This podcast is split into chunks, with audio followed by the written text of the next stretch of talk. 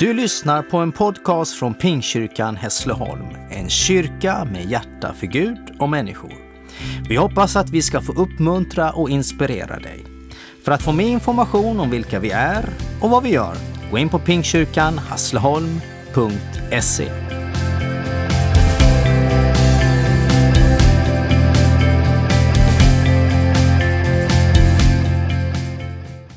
Vi är ju inne i en, i en serie, predikoserie, där vi pratar utifrån ordet nära.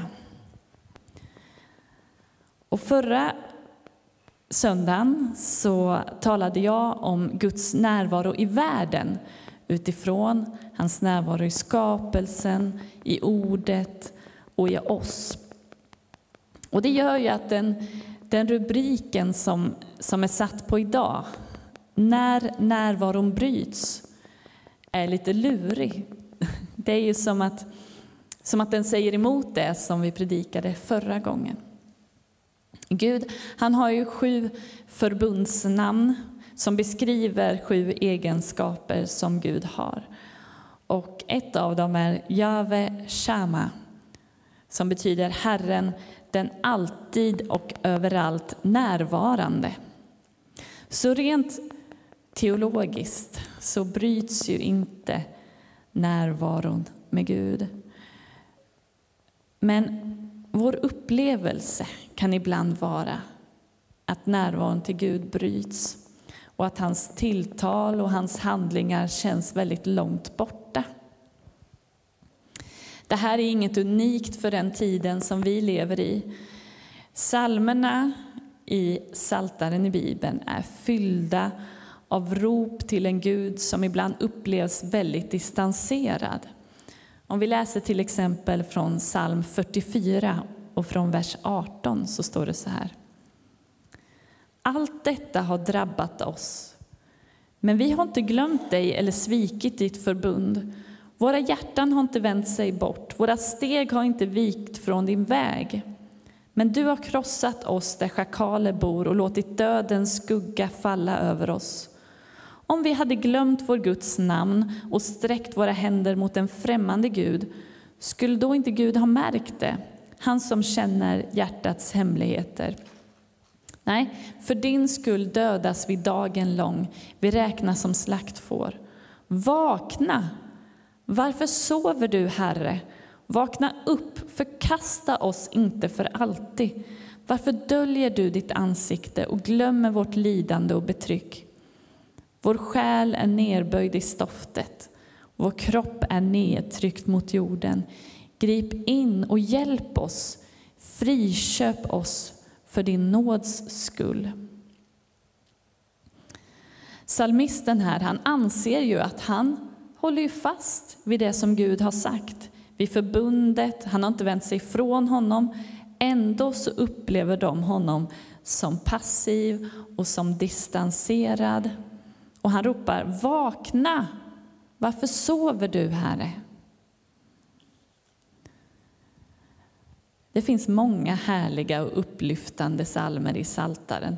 Vi har nu på våra morgonböner här i kyrkan tillsammans läst, liksom bett oss igenom Saltaren. Och ibland i vissa eh, salmer känner vi det här kändes härligt och gott och vad glad jag blev. Men i vissa salmer känner man liksom, vad är det jag läser här egentligen? Men alla dessa salmer står där med ett syfte och de ropar till en levande Gud. Och ibland kanske vi tänker det som salmisten har skrivit ner, men vi skriver inte ner det eller säger det till någon annan, utan vi kanske begraver våra frågor och ser glada ut utanpå och liksom kör på.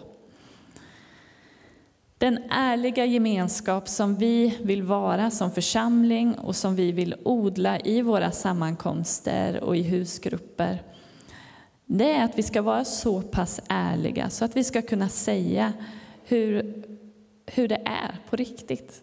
Vi ska kunna säga att nu fattar jag ingenting. Nu känns Gud så långt borta, jag fattar inte vad han håller på med. Kan vi inte be tillsammans?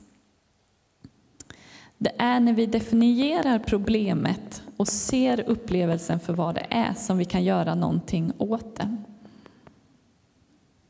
Men den första i Bibeln som ropar Var är du? Det är ingen människa, utan det är Gud själv. I alldeles i början, i Första Mosebok 3, från vers 8. Vid kvällsbrisen hörde de Herren Gud vandra i lustgården och mannen och hans hustru gömde sig för Herren Guds ansikte bland lustgårdens träd. Men Herren Gud kallade på mannen och sa till honom, Var är du?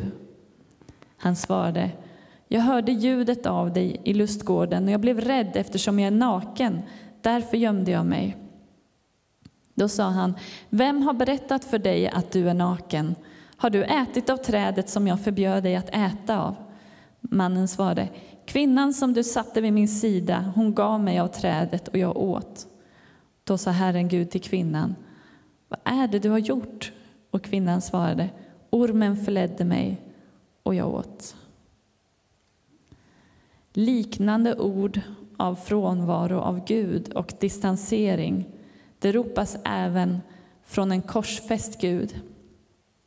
I Matteus 27 och vers 46.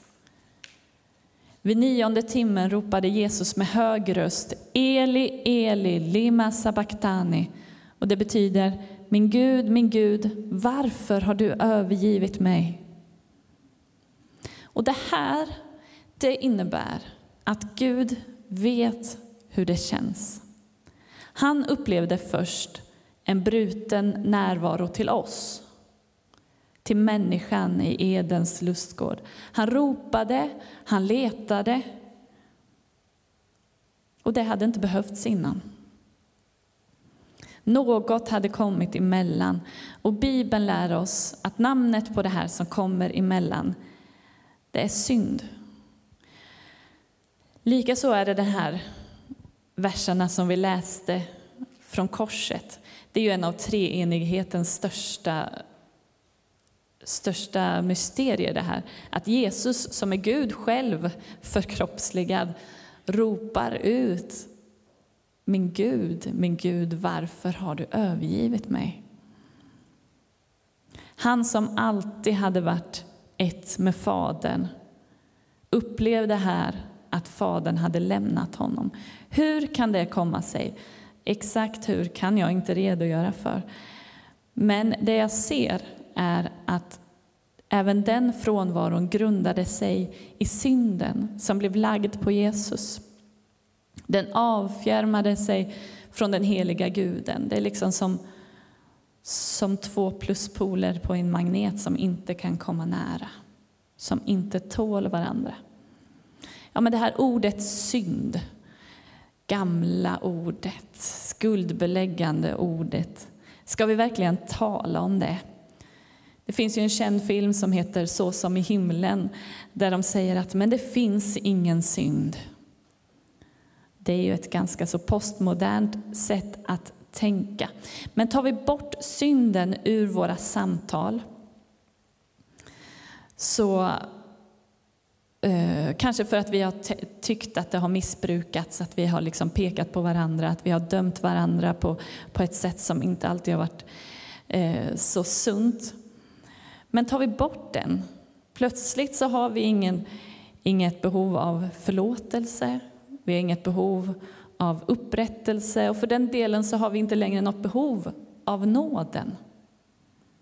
Och är vi omedvetna om synden i våra liv och i världen så kan vi ju heller inte förstå hur vi ska bli av med den. Det har historiskt pratats om synd på ett kanske ovisst sätt, där människor pekar på varandra. Men slutar vi tro på syndens existens så måste vi mena att vår frälsare led och dog förgäves. För det som är en gemensam nämnare för berättelserna i, i Edens lustgård och i, på korset så är det att det är synden som utgör distansen. I Eden var det Adam och Evas synd och på korset var det hela mänsklighetens synd. Synd, alltså sånt som är utanför Guds plan och tanke. När målet med livet missas och det helt enkelt blir fel. Det är den som skapar distans. Gud upplevdes avlägsen och distanserad, och det gör han ibland. Ibland på grund av min synd, ibland kanske på grund av andras synd, eller ibland för att vi bara lever i en värld som är fallen. Och ibland förstår vi verkligen inte varför. I den här långa coronapandemin som nu, som nu råder så kan Gud kännas avlägsen. Många frågar sig varför händer det här? Gud, vad gör du? Är du passiv? Vi förstår inte varför det behöver vara så här. Men kanske är det så att när vi inte förstår omständigheterna om vad som sker, det kanske är då som vi ibland upplever Gud som distanserad. För några år sedan så var det vi som familj som fick vara med om en sån här obegriplig och smärtsam händelse. När vi äntligen väntade barn efter sex års väntan så visade det sig på ultraljudet att barnet inte längre levde. Och världen liksom rasade samman. Och vi hamnade i vad som då kändes som en bottenlös sorg. Jag blev arg. Jag blev arg på Gud. Och jag skrek på honom. Hur tänkte han nu? Och jag vet inte om jag upplevde honom som distanserad, men jag tyckte att han var otroligt passiv just där och då. Och jag tänkte att det här, det här problematiserar saker och ting för mig. För min tjänst som predikant. Hur ska jag kunna ställa mig där och predika om den gode guden när den här besvikelsen liksom tar över hela mitt inre? När vi är med om saker som kanske bryter eller i alla fall problematiserar relationen med Gud och han känns som passiv, som distanserad, då kan man gå bitterhetens väg och låta den här besvikelsen gro och skapa mer distans inom mig. Eller så kan jag göra som salmisten gör. Han ropar till Gud och undrar, Gud vad håller du på med? Varför sover du? Gud tål det. Ropa, skäll, ifrågasätt, men gör det mot Gud. För i salmen som vi läste här så menar ju salmisten att han hade ju hållit buden, han hade gjort alla rätt. Hur kunde det, här bli, hur kunde det bli så här? Hallå, vakna! Omständigheter sker och vi ska inte hålla på och leta efter mönster, hur saker och ting på något sätt ska vara en följd eller ett straff för en viss synd. Jag tror inte att det är så som Gud fungerar. Och jag menar att jag inte tror att det fanns någonting, eh, en tydlig fel som vi som familj hade gjort som det, och därför skulle vi drabbas av detta.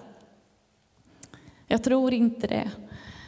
Men i en fallen och syndfull värld så händer det oförståeliga saker. Och det är livet. Men när jag ser tillbaka på den här tiden så ser jag en enorm smärta, en sorg och frustration.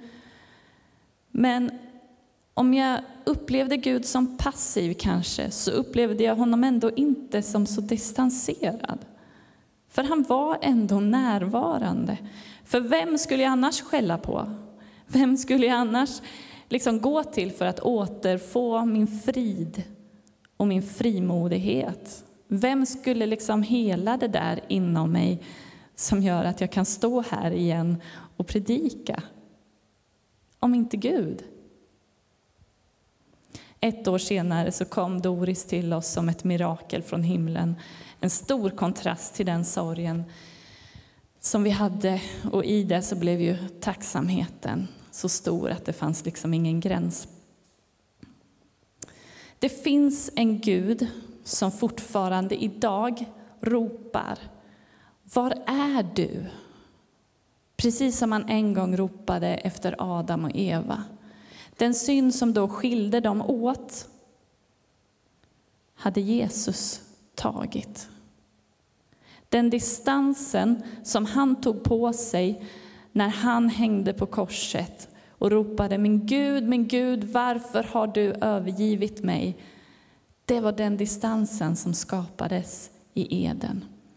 Och det innebär att genom Jesus så är Gud nära den som vill svara på frågan.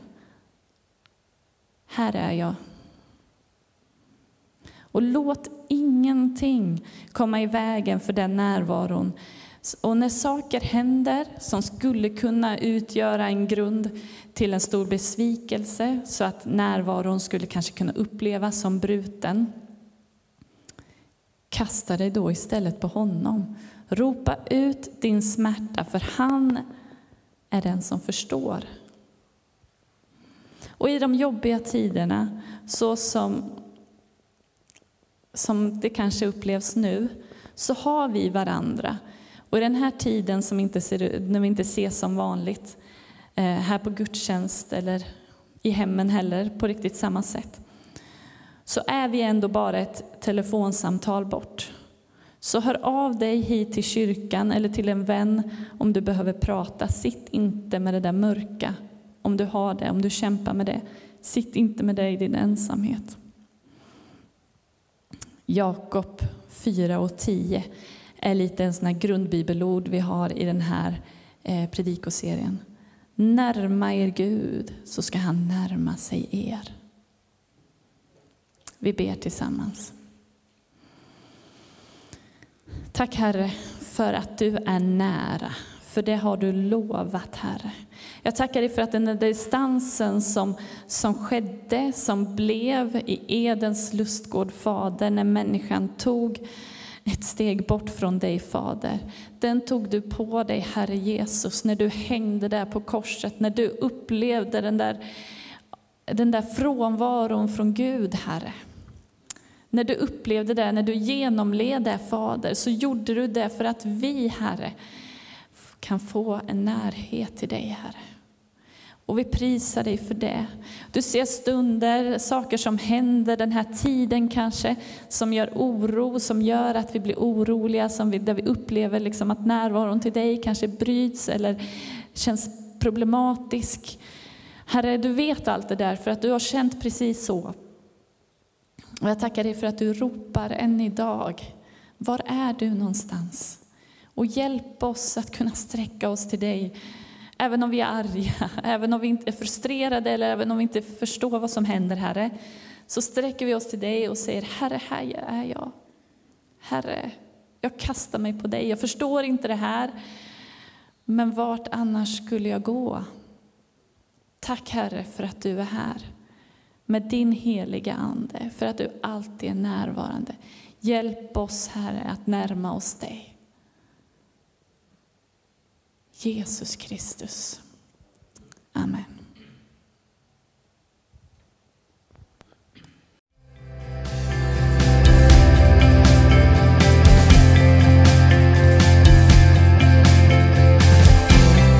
Du har lyssnat till en podcast från Pingkyrkan Hässleholm. Om du vill veta mer om vår kyrka och verksamhet, gå in på pingstkyrkanhässleholm.se. Varmt välkommen till oss.